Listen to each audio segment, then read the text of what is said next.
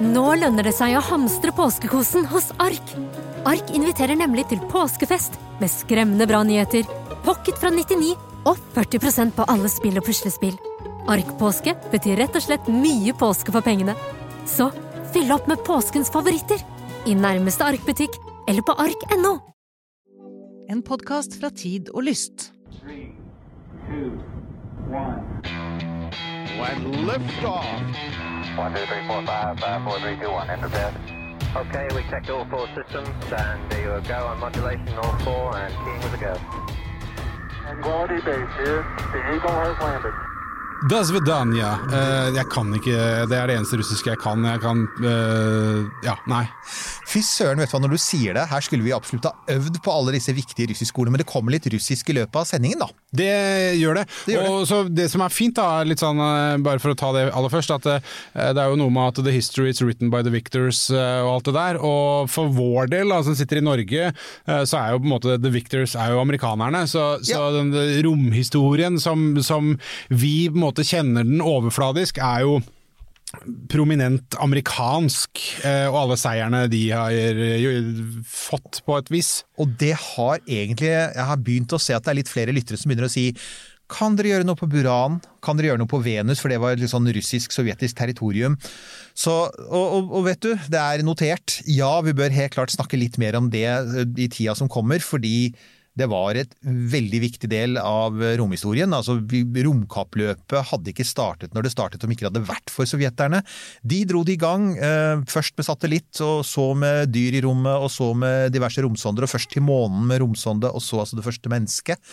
Så ja, helt klart. Og i dag så må vi da markere Altså det er et jubileum, da, og vi startet med et jubileum, vi. Vi starta med et jubileum, men før eh, det var månelandinga. Ja. 1969. eh, Den er viden kjent, og det er for så vidt det vi skal snakke om i dag også. Eh, Men før det så har jeg bare lyst til å ta et par sånne praktiske, Ja. praktiske opplysninger. Og aller først så har jeg lyst til å si at det er veldig hyggelig, tusen takk til alle som går inn og forsøksvis, i hvert fall nå, kjøper T-skjorter og kopper. Og det som er litt viktig å si, eh, og vi har fått litt eh, meldinger om det at eh, folk lurer på hvor blir det av T-skjorta, hvor blir det av muggene mine.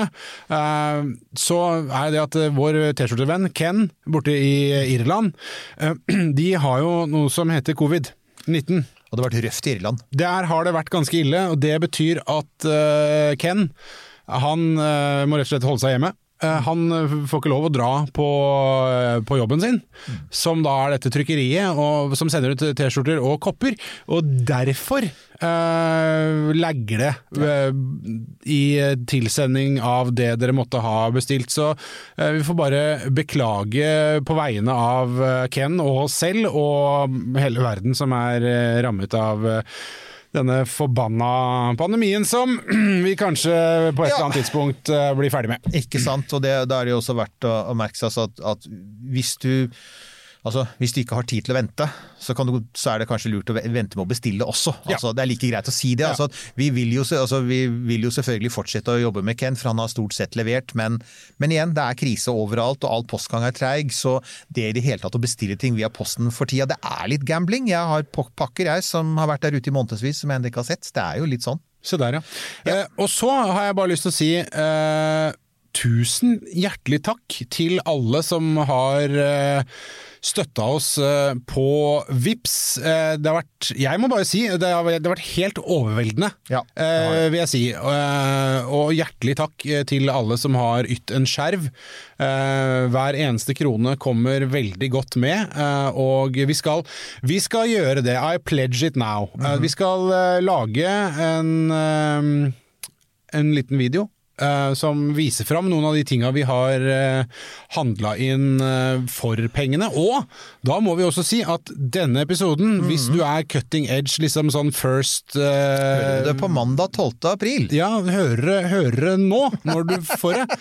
Så kan du glede deg til litt seinere i kveld, hvis det, du nå hører mandag 12. april. 2021. Ja, så seinere i kveld så blir det mer av det vi skal snakke om nå. Det er helt riktig. Da skal vi jo faktisk gjennomføre vår første livesending med alt det nye utstyret, og med den nye kompetansen. Vi har jo jobba litt som dyr med å liksom sette oss inn i disse tingene her. og Og da håper og tror vi at altså lyden skal stort sett alltid være bra, det mener vi at den stort sett har vært hele tiden, men da vil også bildene matche lyden mye bedre, og kanskje litt mer flyt og litt, eh, rett og slett en, litt fetere. Men en, mange av dere har sagt kan dere være så snill å fortsette å være rufsete, slapp av. Eh, det, ja. Altså, Vi to kommer aldri til å slutte å være rufsete, Nils Jan. Det tror jeg var sånn. Det, it comes with the territory. Da jeg dro hjemmefra i dag morges, så sa samboeren min at you scrub up nice. Eh, Og jeg, skal, jeg skulle kanskje ikke ha ledd. Men nei, det, det var ikke så hånlig den Det var ikke hånlig latter, da. Jeg, bare kjenner, jeg kjenner meg litt igjen i det. Men uansett, ja. Og, og på slutten her så skal vi ta en liten shout-out til de som har støttet oss etter den der kampanjen vi hadde. Det er i det hele tatt det er mange her. Dere har vært så ålreite. Og, og som en liten sånn ekstra takk, det blir altså livesending i kveld. Og alt i dag kommer til å handle om uh, denne jubileumsdatoen. Vi har altså sånn, vi har noen merkedatoer i romfartshistorien. og Vi har, vi har allerede nevnt månelandingene 20.07.1969. Og så har du selvfølgelig 4.10.1957, det var da Sputnik ble skutt opp. Og så har vi selvfølgelig 3.10.1942, og ingen som hører på denne podkasten er noen i tvil om at hvis det er, har noe med krigen å gjøre. Så, men ja, helt riktig, det var den dagen da Werner von Braun og hans team skjøt opp den første vellykkede V2-raketten, som jo var den første romraketten. Samme kveld så sto de på et strandhotell på Penemynde og skålte for at erobringen av rommet var begynt. Så ja, eh, den der eh, vidunderlige filmen om eh, nazister på månen, nå husker jeg ikke, Iron, Iron Sky. Sky, ja. Det var, altså, det, det, 3. oktober 1942 sto Werner og vennene hans og planla Iron Sky, just saying. Men så er det 12. april 1961, og det er ikke bare oss. FN har altså sagt at dette er The International Day of Human Spaceflight. Ja, sånn I utgangspunktet så, så er jeg ikke en sånn kjempefan av FN-dager. For at det er jo liksom FNs dag for alt fra vafler til vann, og nå, vann er jo ganske viktig, da. Men altså epler og, og asfalt eh, og betong og alt har jo på en måte FN-dag. Ja. Men hvis det er en FN-dag som vi skal være litt ekstra glad i, så er det da 12. april. 12. april, Gagarin-dagen, eh, og, og veldig mange steder har man også noe som heter Jury's Night, som rett og slett er altså at folk samles samles før pandemien så samlet de seg i virkeligheten, og så de, markerte de uh, Yuri Gagarin.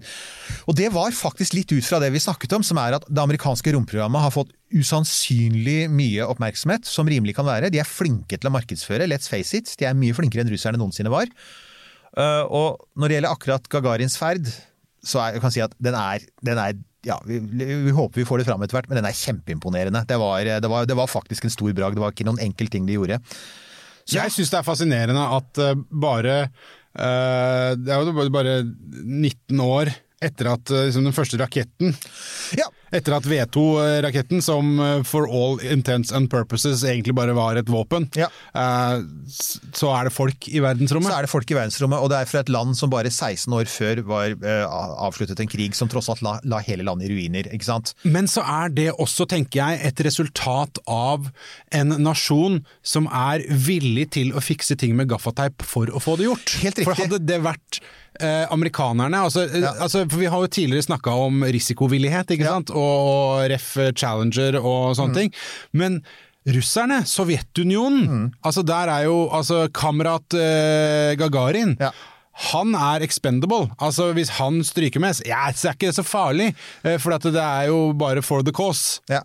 Altså, De hadde litt den holdningen, og så hadde de selvfølgelig, og det skal vi ikke glemme, de hadde sin egen Werner von Braun. Og eh, klokka 097 lokal tid, det tror jeg faktisk er noe sånt som sju over seks om morgenen, eh, norsk tid, eh, ble altså da Vostok 1 skutt opp fra Baikonur i Kasakhstan.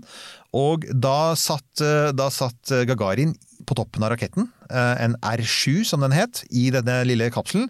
Og på bakken, da, s- der satt ja, Der satt han som var altså Sovjetunionens Werner von Braun. Han er like viktig i romhistorien som Werner von Braun, og vi burde nevne han oftere. Du kan jo bare kjøre klippet nå. Der har vi faktisk oppskytingen. Кедр, я заря-1, зажигание. Понял, отдается зажигание. Предварительное. And away they went. And the way they went. Altså, det er et par ting å merke seg der. For det første, du hører at det er ikke noe 10, 9, 8, 7, 6. De av dere som kan russisk og tall. Selv jeg vet at det er ikke noe nedtelling. Det var ingen nedtelling.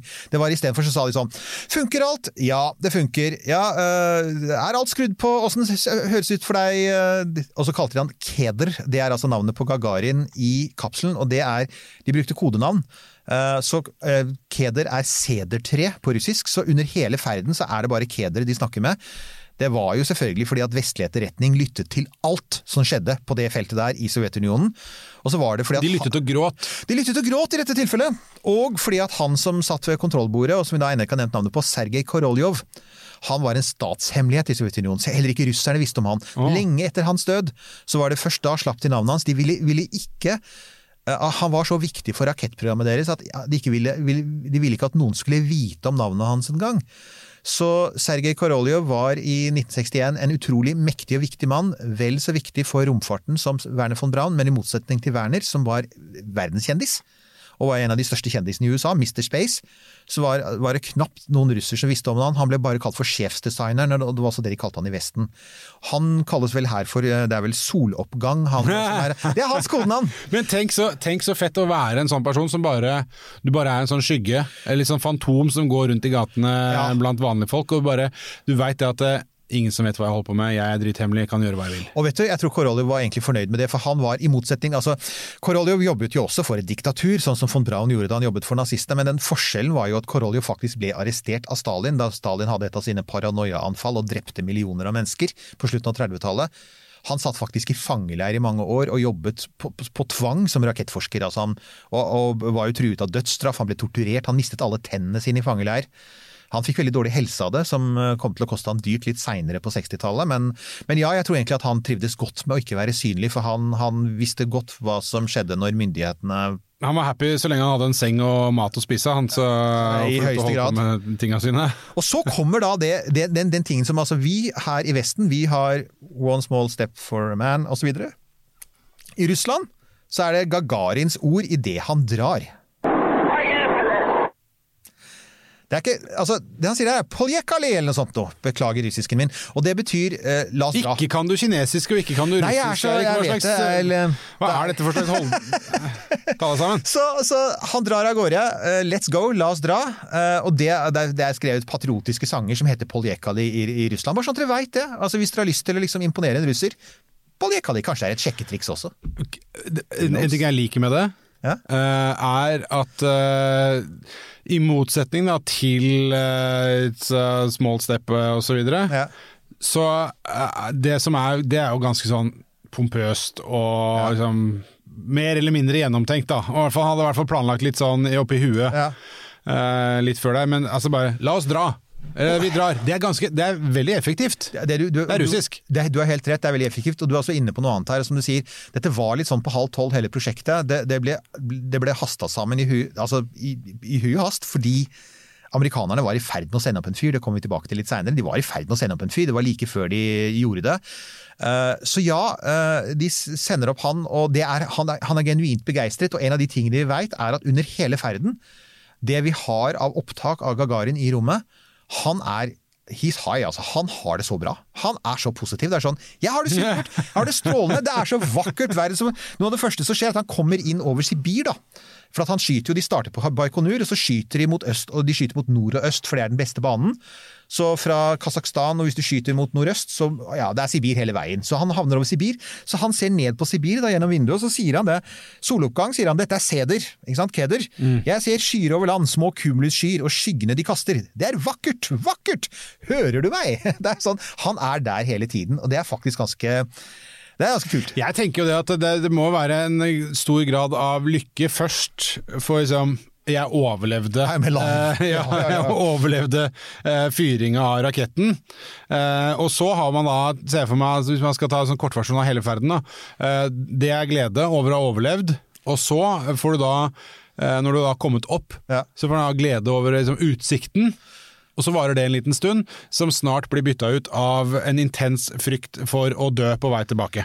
Litt, det, er, det er interessant du sier det, for vi kommer jo fra altså, Det neste som skjer, er jo selvfølgelig at, at så er han oppe i rommet proper, raketten sloknes, eh, alt har fungert som det skulle. Det vil si, Gagarin visste det ikke, men raketten hadde ikke fungert, fungert helt som den skulle. Den hadde faktisk skutt han opp i en høyere bane enn han burde ha vært. Og det hadde han ikke, hadde ikke bremseraketten fungert, så hadde han dødd, men det, han overlevde jo. Men poenget er det neste som skjer er selvfølgelig at han er i vektløshet. Og her er jo saken. Det han da sier til bakken, til soloppgang nede på bakken, det er sånn at han opplever at vektløsheten er behagelig, og han sier også at han opplever ikke noe av det han ble advart mot på forhånd. Og hva er det? Jo, før vi sendte opp det første mennesket i rommet, så hadde vi jo egentlig ingen idé om hvor lenge du altså om, om hva lang tid i vektløshet kunne gjøre med folk. Vi hadde jo The Vomit kommet, altså flyene, ikke sant? Ja, ja. Og det er 20 sekunder, er det ikke det? Ja. Det, er, det er 20 Det er sekunder. Og, og, så du hadde liksom testa det i 20 sekunder, men ingen hadde jo vært der oppe. Og på 50-tallet var folk innmari usikre. Altså, eh, ville du kaste opp og bli sjøsyk, så sjøsyk at ikke du klarte å styrte romkapselen? Ja. Eh, ville du besvime fordi at blodet strømmet opp til hodet ditt? Ville du bli gal? Det var jo folk som var redde for det. Det var jo en av grunnene til at de ikke tillot altså at både amerikanerne og russerne først mente at, at kvinner ikke burde dra opp, for de trodde at kvinner kanskje var mer utsatt for å bli gale. Det var jo bare bullshit, men de var jo der, de visste ingenting. Så, og det han sier er jeg føler meg topp, jeg har det fint, det er behagelig, jeg er ikke syk, jeg kaster ikke opp. Det er ingenting som tyder på at de fant ikke noe oppkast i kapselen, så det tyder på at han hadde rett. Men det forklarer en annen ting, da, og det er selvfølgelig, og det er det jo mange som har sagt. altså Uh, Vostok 1 var fjernstyrt hele veien. Altså, ikke sant? Han var jo passasjer. Og, og den viktigste grunnen til det var at man, man turte ikke å stole på at Ikke sant? Man var Kanskje han ble gæren og ikke klarte å ikke fortsette? sant? ja, Hva man tilta. Ja, ja. Det, det viser seg da, når man oppdaget dette. I, I Vostok så ligger det en konvolutt, og i den konvolutten så ligger koden som gjør at du kan låse opp manuell kontroll. Så han, han er trent opp i å styre den manuelt, men default-settingen, det er jo automatikk. Jeg syns jo det også er ganske kult, da, at i 1961 Ja. så har man faktisk en, en fjern... Man har en, en eh, drone, rett og slett, med Man en fyr inni. Man har det, og man har jo lett for å tenke seg at ok, det er Sovjetunionen, og Sovjetunionen var jo ikke akkurat ikke sant, mestere på teknologi, det veit vi, ingen av oss. Altså, jeg, altså, det hendte jo man så sovjetiske produkter i Norge på 80-tallet, på 70-80-tallet da jeg vokste opp, men man ville aldri ha dem. Ingen ville ha en sovjetisk radio hvis de, hvis de kunne få noe, noe tysk, eller japansk, eller amerikansk, ikke sant? Men nå ville jeg veldig gjerne hatt en sånn god gammel Lada. Eh, ja, og, og nå skal jeg si at gamle, gamle sovjetiske kameraer for eksempel, Ja. får innmari god pris på, på, på, på markedet på, på eBay, og det gjør også gamle sovjetiske radarer, nei, radioer, fordi at eh, de hadde jo sin egen design, og den sovjetiske designen er ganske kul. Altså her er en ting da, dette var jo, altså for, på tross av at liksom sånn Vostok 1 da var jo en ganske enkel kapsel, det var bare en kule, og det var litt spesielt. Og grunnen til at det var en kule, det oppdaget man i ettertid. Altså Seinere så er jo alle sammen vært kjegleformete med varmeskjold. Nei, den er rund som en kule. Det, grunnen til det var at det var formen på sovjetiske spionsatellitter av Zenit-klassen, som de hadde allerede hadde bygd. Og, og for, å, for å komme fort i gang med å sende opp et menneske, så rev de i praksis ut innmaten i en sovjetisk spionsatellitt, og plasserte en stol og styreutstyr. Så det er det de gjør. Sånn. Så, oss, men, men når det er sagt, da Det er så effektivt! det er så effektivt! Åh. Men altså, Vostok hadde jeg må, det må jeg sjekke da, Vostok hadde 241 radiorør, 6000 transistorer, 56 elektromotorer, 800 brytere og 15 km med kabel. Så det var ikke bare en stålkule, det var faktisk et avansert romskip med navigasjon, eh, kommunikasjon og en solsensor som de brukte til å liksom rette den inn riktig, som gikk på automatikken. Men kvalitetskontrollen Ja. Russisk kvalitetskontroll. Jeg har hørt ting om folk som eide Lada, for å si det sånn. Det tviler jeg ikke på, men, men altså, her er det jo altså Med alle de tingene her, 241 radiorør, det er jo de der glassgreiene med en liten sånn er på hver side. som- mikroprosessorer og sånn. Ja, og 6000 transistorer. 56 elektromotorer! Ja! Det er jo ganske fascinerende. Altså, greit nok, elektromotor er jo sånn Ja. I utgangspunktet en, en eh, relativt sånn enkel, simpel konstruksjon hvor det ikke er så veldig mye som kan gå i stykker. Mm. Men alt til sammen er 800 releer, ikke sant. Det er, det er, det er sykt mange feilkilder her, da. Det er det, og eh, vi har jo en fyr som har studert dette veldig. Jeg har nevnt han et par ganger før. Han har skrevet en utrolig bra bok om det sovjetiske romprogrammet som ligger gratis ute på NASA sin side. Vi kan lenke til den i shownotene.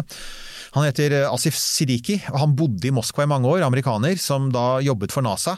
Han skriver om denne ferden, for han oppdaget en del ting om den. For det, altså, det var Sovjetunionen, vi husker Sovjetunionen, noen av oss. Det var bare propaganda, ikke sant? Hvis sovjeterne kunne lyve om noe, så løy de om noe. Så det har vært mye løgn, det har vært mye propaganda, det har vært vanskelig å finne sannheten om, om Vostok-ferden. Og som han sier, det som er litt synd, da, er at fordi det var så mye løgn og propaganda, så har folk på en måte undervurdert hvor imponerende den ferden var. For som du sier, det var en høyteknologisk ferd. Den skjedde på veldig Altså, den skjedde litt sånn på, på styrten. Uh, de tok Ikke bruk ordet styrten i den sammenhengen. Nei, ikke gjør det. Det, er, det, er, det var ikke noe vodka med. Litt, ikke sant? Men det er jo noe med det, og, og som han sier, de, de var, under selve ferden så var det fem-seks ting som faktisk gikk galt. Og det var egentlig helt som forventet, for at de visste at det var mye som ikke var kvalitetssjekka nok. Så han, det han sier er at Vostok 1 er egentlig et ganske imponerende romfartøy, fordi det er så robust. Det tåler faktisk at mye går galt. Siso. Nemlig, og det er, det, er, det er solid konstruert. Det er, en, det er en stålkule, den er med tjukke vegger, du har skikkelig varmeskjold. Så det er veldig mye som skal gå galt før alt svikter. Men noe av det som faktisk gikk galt, og som da ble merkbart på bakken, var jo radioen svikta ganske mye. Så når vi da eh, Vi kan jo prøve å høre faktisk litt på, på Gagarin her. Dere hører at dette er ikke innmari god radio.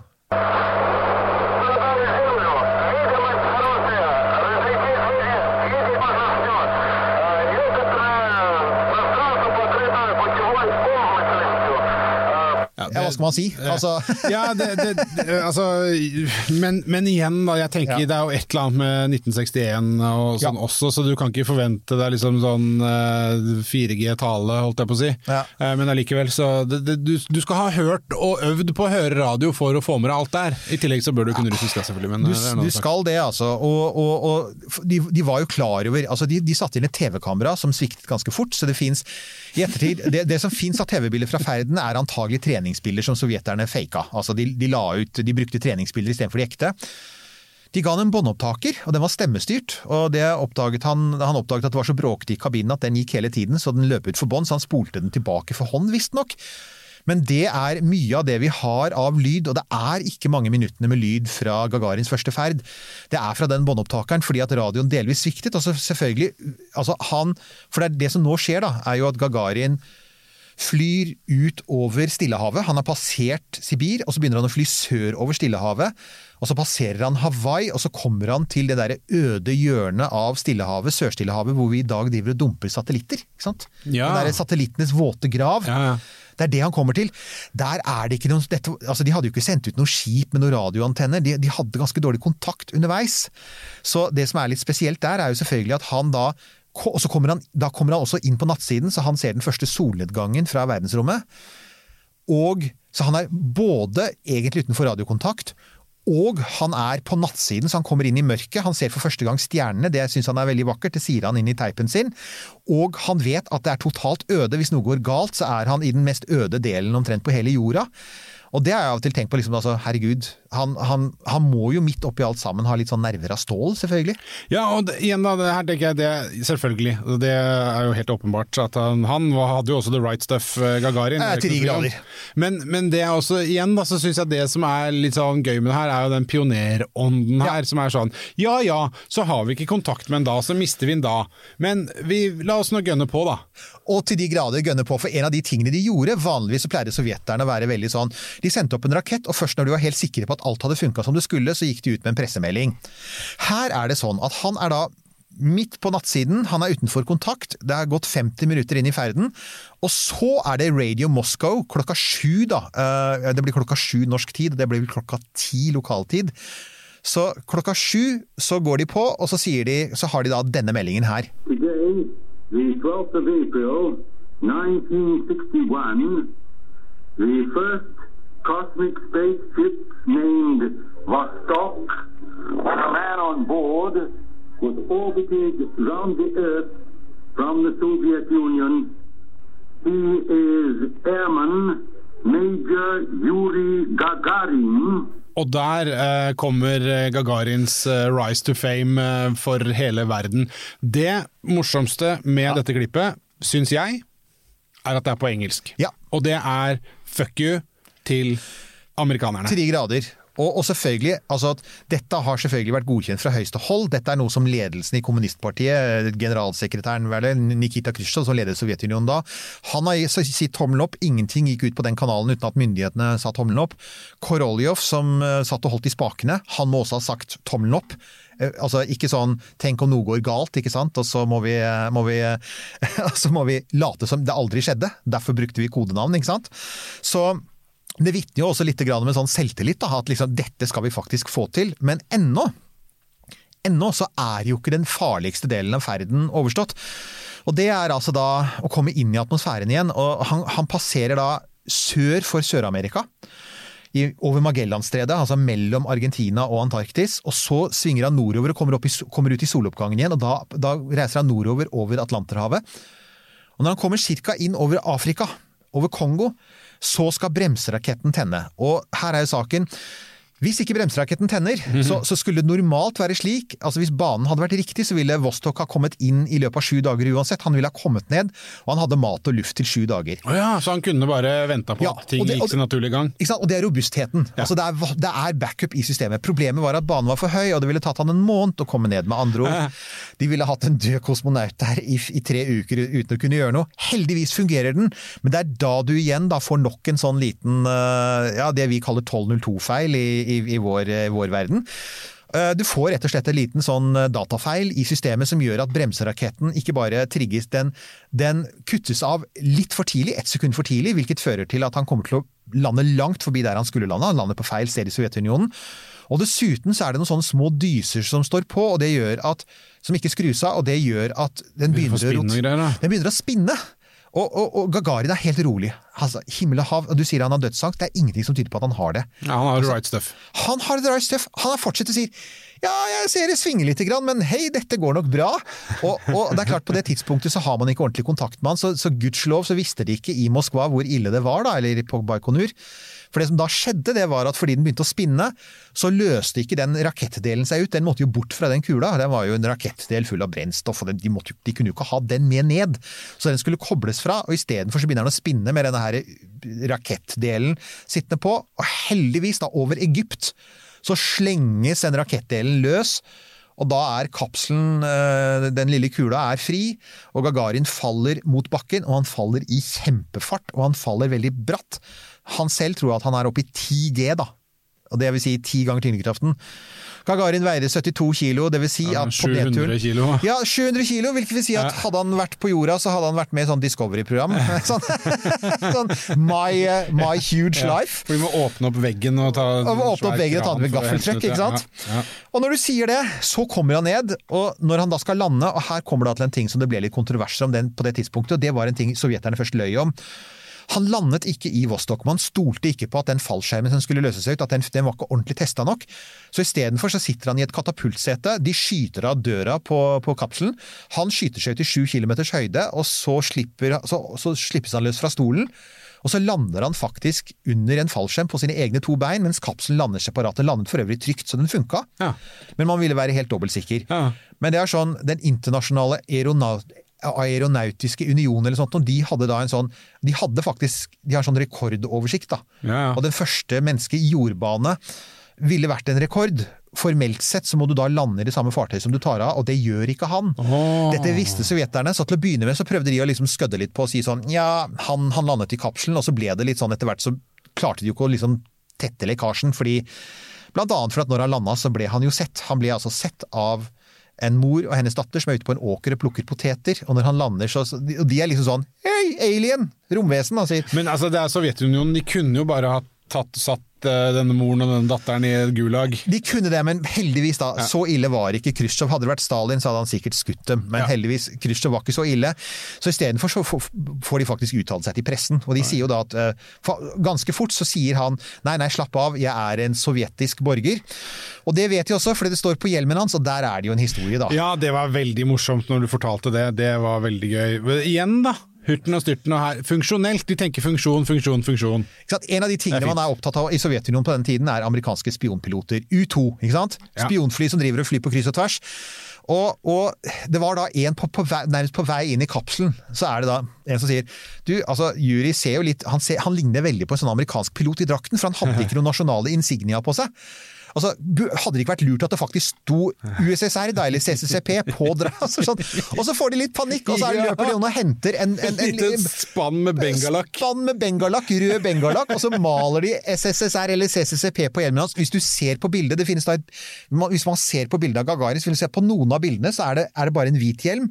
Og så er det den hjelmen hvor det står CCCP, og du ser helt tydelig at det er håndmalt. Så heldig, det er sånn, liksom, sånn sikret han seg, da, at, man, eh, at, at, at ikke han ble liksom lynsjet eller ble, det ble tatt av politiet, ikke sant, når han eh, Eh, Det er så deilig. Det er så... Men det er li... Fint at de bare i farta kom på vei inn, så tenker de ah, ja, du forresten, skulle du ikke ha han landet jo da selvfølgelig han landet altså 300 km fra der han skulle lande, så det første han sier til disse er, etter at han sier 'slapp av, jeg er ikke et romvesen, jeg er ikke amerikaner, jeg er, er, er sovjeter', Kan dere ta med til en telefon? Jeg trenger å ringe Moskva. Ja, det det også. Det hadde, tenk, det hadde vært så strålende hvis han hadde kommet, eh, blitt frakta med sånn eselkjerre, ser jeg for meg. En sånn der gammel med laga med to bilhjul. Og så en sånn der tannløs fyr med noen en rar russisk sigarett i munnviken som bare Men drar og vet du, vi skal ha en egen episode, apropos sovjetiske landinger. Vi skal ha en egen episode om landinger i Sovjetunionen, for noen av dem er skikkelig metal, altså seriøst. Det har vært kosmonauter som har landet ute blant ulver, nesten frosset i hjel. Og bare i fjor, tror jeg det var, det var en helt vanlig Soyuz-landing på steppen i Kasakhstan. Og de første som ankom til Soyuz, da ligger Soyuz der, det var jo tre karer på hest. Altså det var jo tre, tre altså fra den lokale urbefolkningen. da. Og det, er ikke, det var ikke på tull, altså de rir jo til hest. Så ja. de ser jo da ut som, eh, de ser jo ut som sånn, eh, sånn eh, Djengis Khans tropper. Og det er sånn, det møtet mellom tre sånne Djengis Khan-typer og den kapselen er bare helt Det er igjen, det er, det er, det er Vi kan ikke annet enn liksom like den siden ved russisk eh, romfart. Og Nei, den funker, da! ja, også, og nå, nå skal jo de bygge en ny rakett som skal være gjenbrukbar, og som skal lande vertikalt. og Det er, sånn, det er kjempefint, det er fint, alle bør kopiere SpaceX, det er ikke det. Men vi mister noe også. Vi mister sånn Styrter i østlig Sibir, må kjempe mot ulver hele natten. Det mister vi, og det kommer vi til å savne. Ja, men det er jo alle sånne ting som eh, man taper fordi at ting blir profesjonalisert og strømlinjeforma. Så Nei, det- mister man er- wonk, den wonky sjarmen som Den eh, wonky sjarmen som denne ferden til de grader har, altså blir han selvfølgelig tatt i Moskva, han blir debrifet. Og så er han jo selvfølgelig, han er jo allerede lande, altså han er jo nasjonalkjendis og internasjonal kjendis før han lander. Det er for for øvrig tenkt på at det er jo litt unikt, da. Jeg vet ikke, det har jo ikke skjedd før i historien. altså På den måten. altså at Du er, du er, du er på selve ferden, og, og før du i det hele tatt har fullført den, så sier folk du er, du, du er en, en, historisk person. Det er litt sånn som de som var i Big Brother-huset, den første runden av Big Brother. Eh, ikke sant? Eh, alle kom ut av huset, og alle trodde de kjente dem, og jeg aner ikke hvem er du, jeg har bare sittet her inne i 100 dager. Hashtag triggervarsel, dere har lov til å trigges av den sammenligningen. Altså, Populærkultur, vet du. Også, må ha litt av det, sånne referanser innimellom. Og så kommer han til Moskva, og noe av det første de gjør, er at de gir han en stor parade. Vi kan jo høre litt på det, for da får vi høre stemmen hans ordentlig. Partiet. Дорогой Никита Сергеевич, товарищи руководители, Her står han jo på Lenin-mausoleet, ikke sant, på Den røde plass. Det er massevis av øh, arbeidere Han står sammen med Nikita Khrusjtsjov. Han nevner Nikita Sergejevitsj, det var sånn de omtalte hverandre. Sergejevitsj er me- mellomnavnet til Khrusjtsjov. Han sier også ordet Tavaritsj, det får jeg med meg. Det er kamerat. Så dette er, og altså litt sovjetski, så han, dette er en propagandatale, og det er selvfølgelig det som skjer. Altså, eh, på mange måter så, så passer jo Gagarin veldig godt inn i det, for han er arbeidersønn, foreldrene hans jobber på et kollektivbruk. Han var stålarbeider som, som ble medlem av en flyklubb før han gikk inn i det sovjetiske luftforsvaret på 50-tallet. Han var faktisk stasjonert rett ved Norge, i Petsjenga oppe ved Finnmarksgrensa. Så perfe- han er jo den perfekte Ja. russer, da, egentlig. Han er det, ikke sant. Og så er det selvfølgelig ting som vi ikke må glemme. Han er, han er veldig kjekk. Han er jo det, eh, som vår eh, gjest eh, i Vi har jo glemt å nevne det, kanskje, men gjesten vår i livesendingen i kveld, det er jo Kari Slottsveen. Og når vi sier i kveld, så mener vi da altså hvis du hører dette akkurat når det blir sluppet, som er da 12. april 2021. Ja, og da får jeg si igjen, altså hvis vi fremdeles er der, så vil jeg si at noe av det første hun sa når hun så de bildene jeg sendte, var jo sånn han var jo en vakker mann, helt riktig, han var utrolig kjekk. Eh, Han hadde også en fantastisk positiv personlighet. Det du hører fra verdensrommet, som er at han genuint er glad og happy. Og ser lyst på tingene. Altså Ikke har den dødsangsten som jeg ville hatt, tre grader. så Jeg tror de fleste normale mennesker ville hatt. Han tar jo det med seg videre. og Når han kommer inn i treningsprogrammet til sovjeterne De har kjørt jo den samme type treningsprogram som amerikanerne. Beinhardt. Du starter med 200 kandidater, og så, så tar du det ned til fem. Og da er han en av dem. Og man da spør de andre kosmonautene, hvis ikke det var deg som skulle opp i rommet, hvem ville du sendt opp? Så svarer de jo faktisk Gagarin. Alle er enige om at han er han er, kjempe, altså han er teknisk dyktig, han er smart, han er en god pilot. Men i tillegg, han har den rette personligheten, han har sjarm, han har utstråling, han er flink til å snakke for seg. Eh, og, han virker genuint som en hyggelig fyr. og det vet jo sovjeterne øh, å gjøre noe med, da. Så det første de gjør etter at de har sendt han rundt i sitt eget land, er at de sender han ut på verdensturné. Ja, ikke sant? Og han blir propagandatalsmann. ja, Jo, men selvfølgelig. Ja. Og det er Noe annet ville jo vært rart. Og, eh, og det gjorde man jo også etter Apollo. Ja, ja, ja, altså Den derre. Giant Leap, hva den het, eller Giant Step. Denne, denne hvor altså Apollo-astronautene dro jo til var det 20 land eller var. Eh, Gagarin dro jo til selvfølgelig hele den kommunistiske verden. Etter hvert også til den ikke-kommunistiske verden. Han var i Norge i mars 1964. Oi, ja vel. Da er han, og han, jeg tror han var her i hele åtte dager. Overalt var det masse folk, folk var superbegeistra. Og eh, NRK hadde faktisk en, har en reportasje, men jeg kan lenke til den. Har de spilt over den? Det er, ja, nei, vet du, de har faktisk nei, nei, nei, jeg- jeg, tror faktisk de har et intervju, i hvert fall med en av den som traff han. Jeg skal ikke rante om det som Nei, en månedssending. Men uansett, da. Han, han kommer til Norge, og hva er det da de som møter han sier? For en trivelig kar! Han var en likende kar, det sier alle. Det er én scene der blant annet hvor han eh, Altså, de skal kjøre i kortesje i, eh, i, i Trondheim, og han, han ber om å, å få kjøre bilen, og de liksom nærmest har litt sånn De kjører de sånn eh, villkjører litt i Trondheims gater med Gagarin. Det var en, det var en nordmann som var med på det. Det er Juri Gagarin, ikke sant? Han er russer, så han eh, drikker en del, og det blir etter hvert et problem.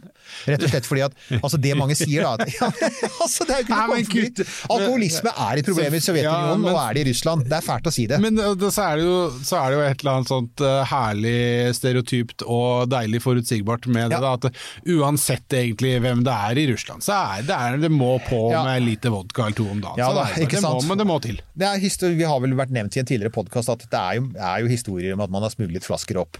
Han var helt klart klinkende edru under første ferd, men, men at han eh, etterpå fikk litt problemer, og det skyldtes selvfølgelig en ting til, og det var å være propagandatalsmann. Vi, vi har lett for å glemme det, men da Neil og Buss dro til månen, så visste de faktisk at de ville bli berømte. Det visste ikke Juri Gagarin. Nei. Ingen så for seg hvor gigantisk svært det skulle bli. Nei, men ikke sant, Ikke sant? det der, der er jo sånn typisk problem for uh, egentlig alle som uh, blir veldig berømte. Roald Amundsen gikk på en smell, det er jo velkjent. Altså å, å bli en gigantisk internasjonal kjendis. Alle får problemer med det. Ja, altså, det er, det, jeg tror det er noen Det går til huet på Det går til hvem hu som og, helst, og, og jeg ja. tror rett og slett det blir mye stress. Og, han, og så var det en ting til.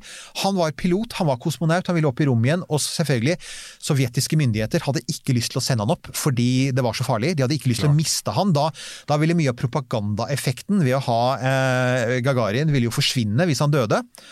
Eh, men, men altså, du kan si Greia er da at det han også hylles for i Sovjetunionen, det er jo at han har slått amerikanerne, og det er viktig å huske på. Altså, det er ikke bare at han er en, en stor person, han har gjennomført en viktig person som har gjennomført en stor ferd. Det er selvfølgelig, han har jo slått amerikanerne på målstreken. For det, ikke sant? Og det er jo interessant oppi dette her. Hva, hva, liksom, hvordan reagerer Washington og, og, og Florida? Alt, av- Altså for, for å si det sånn, da. Sånn tidlig i 1961 så er stemningen litt som den var på sommeren 1957. Alle vet at noe kommer til å skje. Ja. I 1957, Man visste at det ville bli sendt opp en satellitt. Det ville bli sovjeterne eller amerikanerne. Alle trodde det ville bli amerikanerne, for amerikanerne hadde von Braun. ikke sant? De regnet med at de ville vinne. Uh, Men sa de russerne sjefsingeniøren. de hadde Sergej Koroljov, og det var han som bygde Sputnik. ikke sant? Så det er helt riktig. Og det visste de ikke før etter at de skjønte Oh shit, for å si det sånn. Eh, De fikk et sånt øyeblikk i USA som sier Filleren, de har en, de har en fyr, en sjefdesigner, som faktisk er like god på dette. Er en like god teamleder og en like god sånn manager som von Braun var. Så, så våren 1961 Amerikanerne har til og med mannen klar. Dette er Mercury-programmet. Det skildres godt i The Right Stuff, den filmen vi alle elsker. De har navnet klart. Alan Shepherd skal bli det første mennesket i rommet. og Alle tror at det skal bli han, fordi de har altså eh, raketten Redstone, som er en forlenget eh, V2. Den kan ikke sende han opp i, i bane, men den kan sende han opp i rommet. Så, og, eh, det gjør alt mye enklere. Du trenger ingen bremserakett, du trenger ikke å ha med mat og drikke og sånn, for han er bare oppe i rommet i et kvarter. ikke sant? Men han er, han er i vektløshet, han er i rommet, så han vil være den første mannen i rommet, og det mener amerikanerne holder, og det er nok sant. Hadde, hadde de lykkes med det, så ville vi sagt jo jo, Alan Shepherd var først i rommet, Gagarin var først i bane, men han var nummer to. Det ville da vært det vi hadde sagt. Planen var å sende han opp Planen var å sende han opp 25. mars eh, 1961, altså før 12. april. Men for, før det skulle skje, så måtte de ha én test, og vi har omtalt den testen før, og det er den testen med Ham. Det er med, med sjimpansen Ham, og det er jo Werner von Braun er ansvarlig for den testen. Han, han, de sender opp Mercury-kapselen med sjimpansen i. Umiddelbart går det galt, raketten flyr for raskt og for langt, havner på feil sted, det begynner å lekke ut oksygen fra kapselen, Ham får panikk, eh, landingen er så røff at kapselen tar inn vann, og den er jo 150 km fra målet, så det tar lang tid før de finner den, og da er Ham i ferd med å drukne, de redder han i siste øyeblikk, så von Braun setter ned foten og sier ikke tale om at den neste ferden inneholder en amerikansk astronaut, vi må sende opp én tom kapsel til for å være sikker på at ikke dette skjer. Og her er jo ironien. I 1957 så tapte amerikanerne mot russerne fordi de ikke, altså, de ikke hørte på von Braun, for han hadde jo en plan for satellitt i 1955 som hadde vært praktisk. I 1961 så taper amerikanerne kappløpet fordi de hører på han. For han Ja. sier ikke, ikke, sant? Og i NASA så er det ganske stor frustrasjon. Uh, Alan Shepherd står 25. mars i 1961 og sier 'der ryker sjansen min'. Jo, ja, øh, ikke sant? Ja. Men så mm, Sånn tankeeksperiment, da. Hvis nå Gagarin hadde på en måte dødd Ja. på vei ned, Meget sannsynlig. Altså, Ikke det sant? Det. Ja, ja. så, så tenker jeg da ville det vært sånn Ja ja, Juri Gagarin var førstemann i rommet, men han døde på vei ned. Ja. Han er fortsatt førstemann i verdensrommet, han døde riktignok på vei ned, så man, det er litt sånn uh, delte meninger om hvor, hvorvidt dette her var en suksess eller ikke, men altså Fortsatt første sånn propagandamessig. Ja. Fortsatt første i verdensrommet.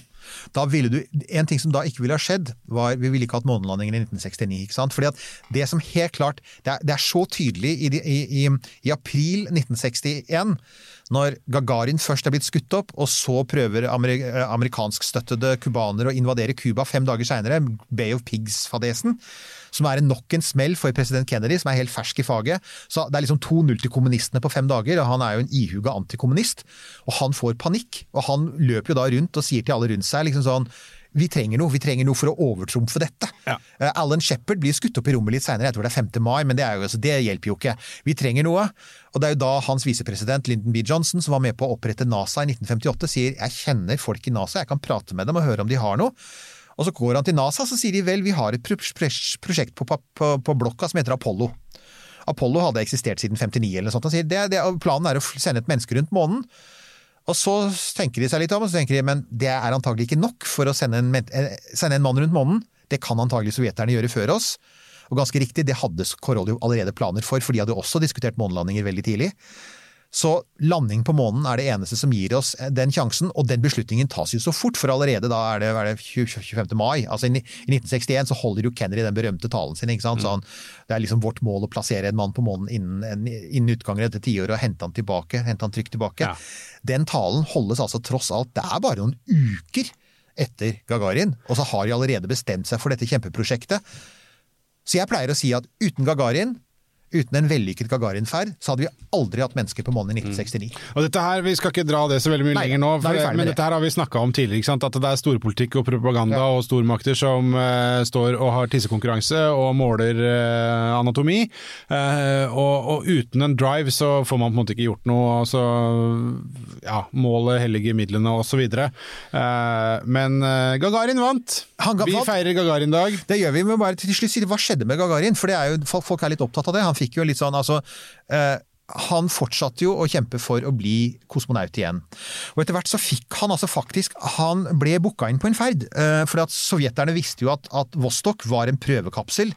De trengte en ordentlig romkapsel, og det, var det, som, det er den som heter Soyuz. Det er den de fremdeles bruker. Den første ordentlige romkapselen sovjeterne bygde, var faktisk Soyuz.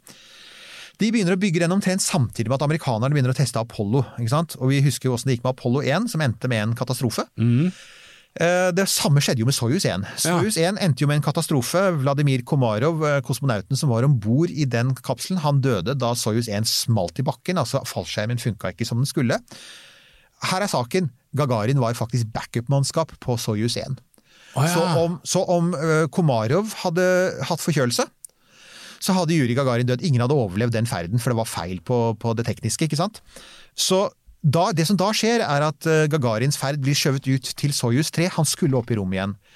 Vi vet at det ble snakket om, det er, sånn, det er mer rykte, ryktebasis, men at han også drev og argumenterte for at han burde være den første på månen. For på det tidspunktet prøvde jo sovjeterne å bygge den store måneraketten N1.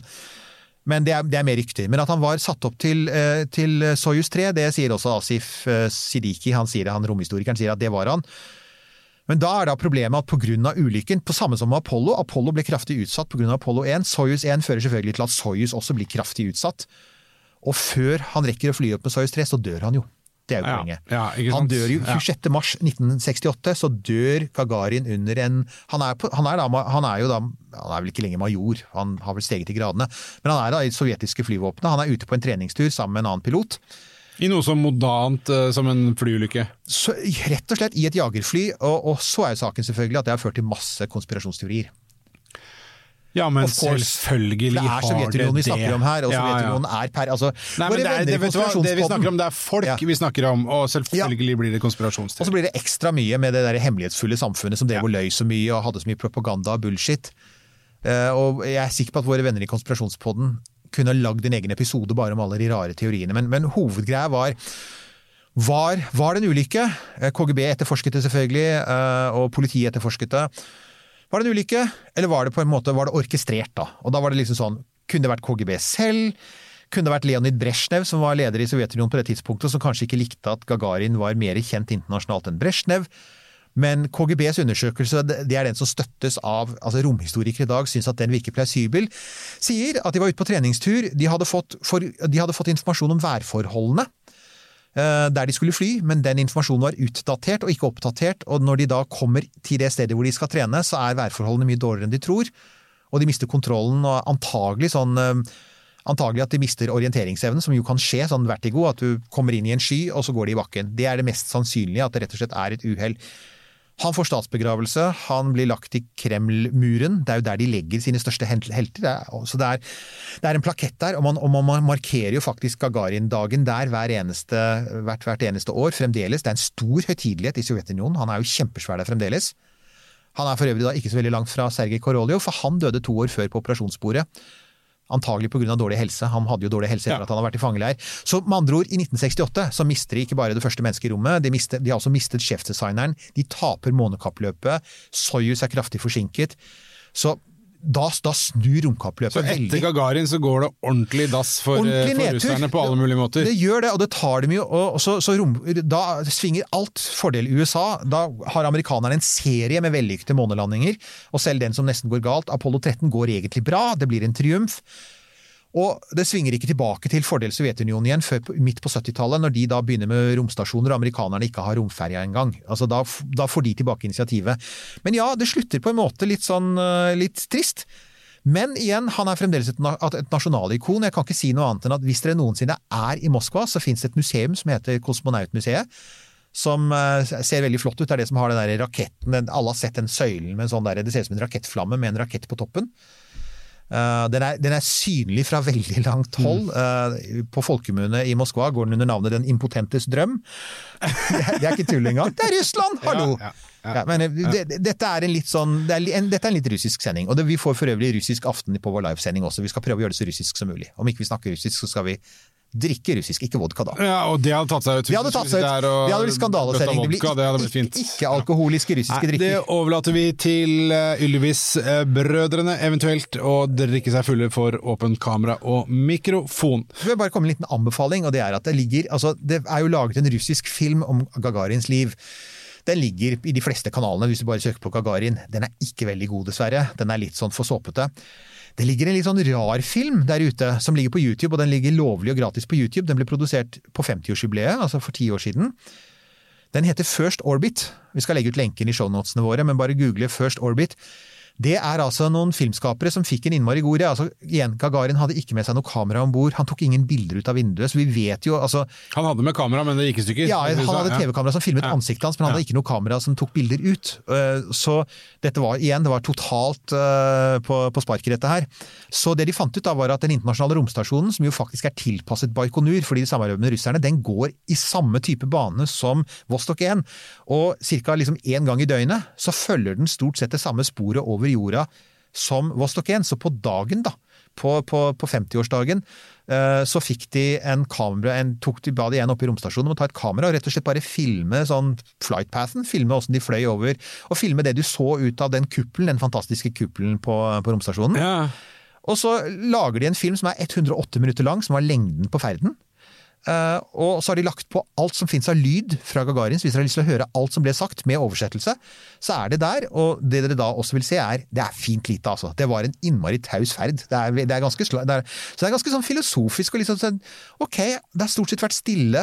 Han har hatt det egentlig ganske fredelig. Han har jo bare seilt over der, sett ned på den vakre jorda, sett sola gå ned, sett sola gå opp. Og stort sett ikke pratet med noen, og bare vært for seg selv, da. Ja.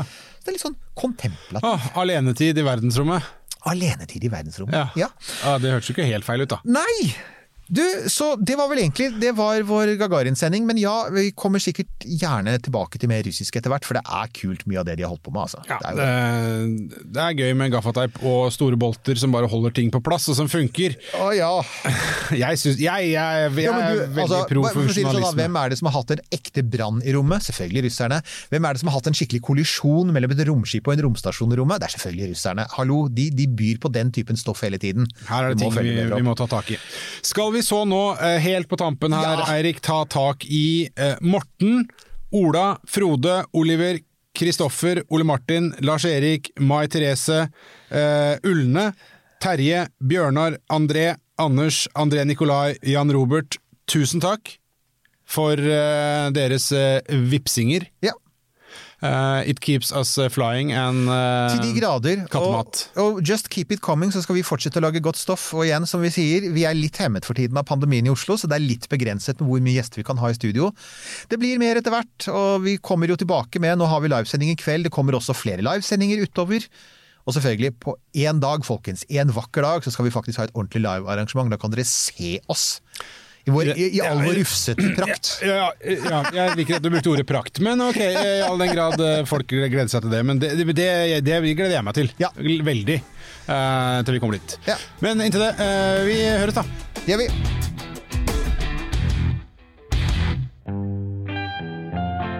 Denne Podkasten er produsert av Tid og Lyst.